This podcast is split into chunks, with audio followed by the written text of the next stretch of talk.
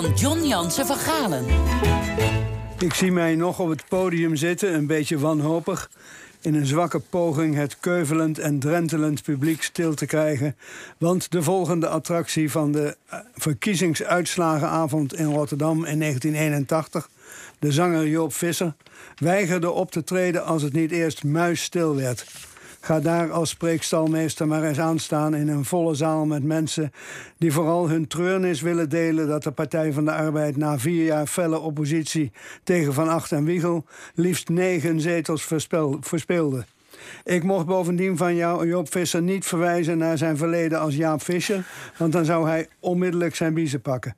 En te midden van dit alles zat hoofdschuddend, mismoedig lijsttrekker Joop ten Uyl. Ja, John, het is niet anders. Sindsdien ging het bergafwaarts met de Partij van de Arbeid. De monsterzegen die Den Uyl nog vier jaar eerder behaalde... was te danken aan de Molukse treinkaping bij de Punt vlak daarvoor. Want in tijden van onheil zoeken we graag bescherming bij een vader des vaderlands... en oma Joop had iets vaderlijks. Bij die verkiezingen van 81 deden drie linkse partijtjes mee die elk drie zetels behaalden, zodat je had kunnen zeggen dat links al met al gelijk was gebleven. Maar zo werd het niet naar gekeken, zeker niet door Den Uyl. Negen jaar later fuseerden die drie kleintjes tot GroenLinks en nu zijn ze eraan toe om met de Partij van de Arbeid te fuseren tot één linkse partij. Zag u de opgetogen beelden van hun gezamenlijk congres gisteren in Den Bosch? Geen Joop Visser, wel Dolf Jansen en feministische iconen, spoken word en een sfeer van grote verwachtingen. Als ze nu maar niet hoogmoedig worden.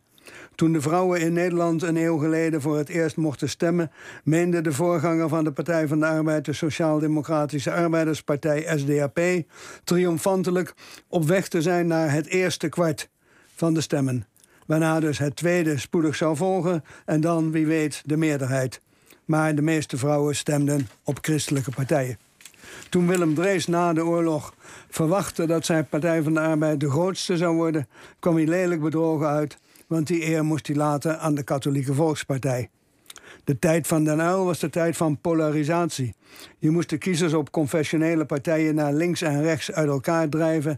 En de stiekeme verwachting was dat zich dan in Nederland vanzelf een linkse meerderheid zou ontplooien. Daar kwam dus ook niks van.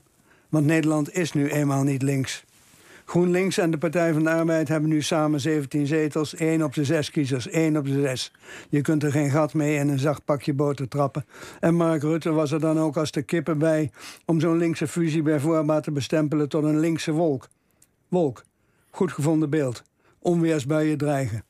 Hou mij ten goede. Fusie is beter dan verdeeldheid. Maar kijk uit voor overspannen verwachtingen. Straks moet je toch weer aanschuiven bij de vermalendijde rechtse partijen. Want Nederland is een archipel van eilanden die elkaar steeds een beetje het licht in de ogen gunnen. En dat is ook wel mooi.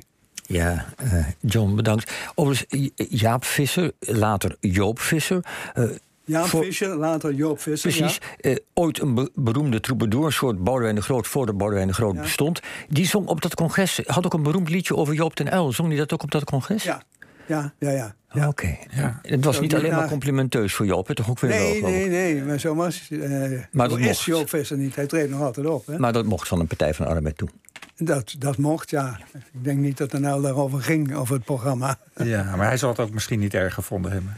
Ik denk het niet eigenlijk. Oké.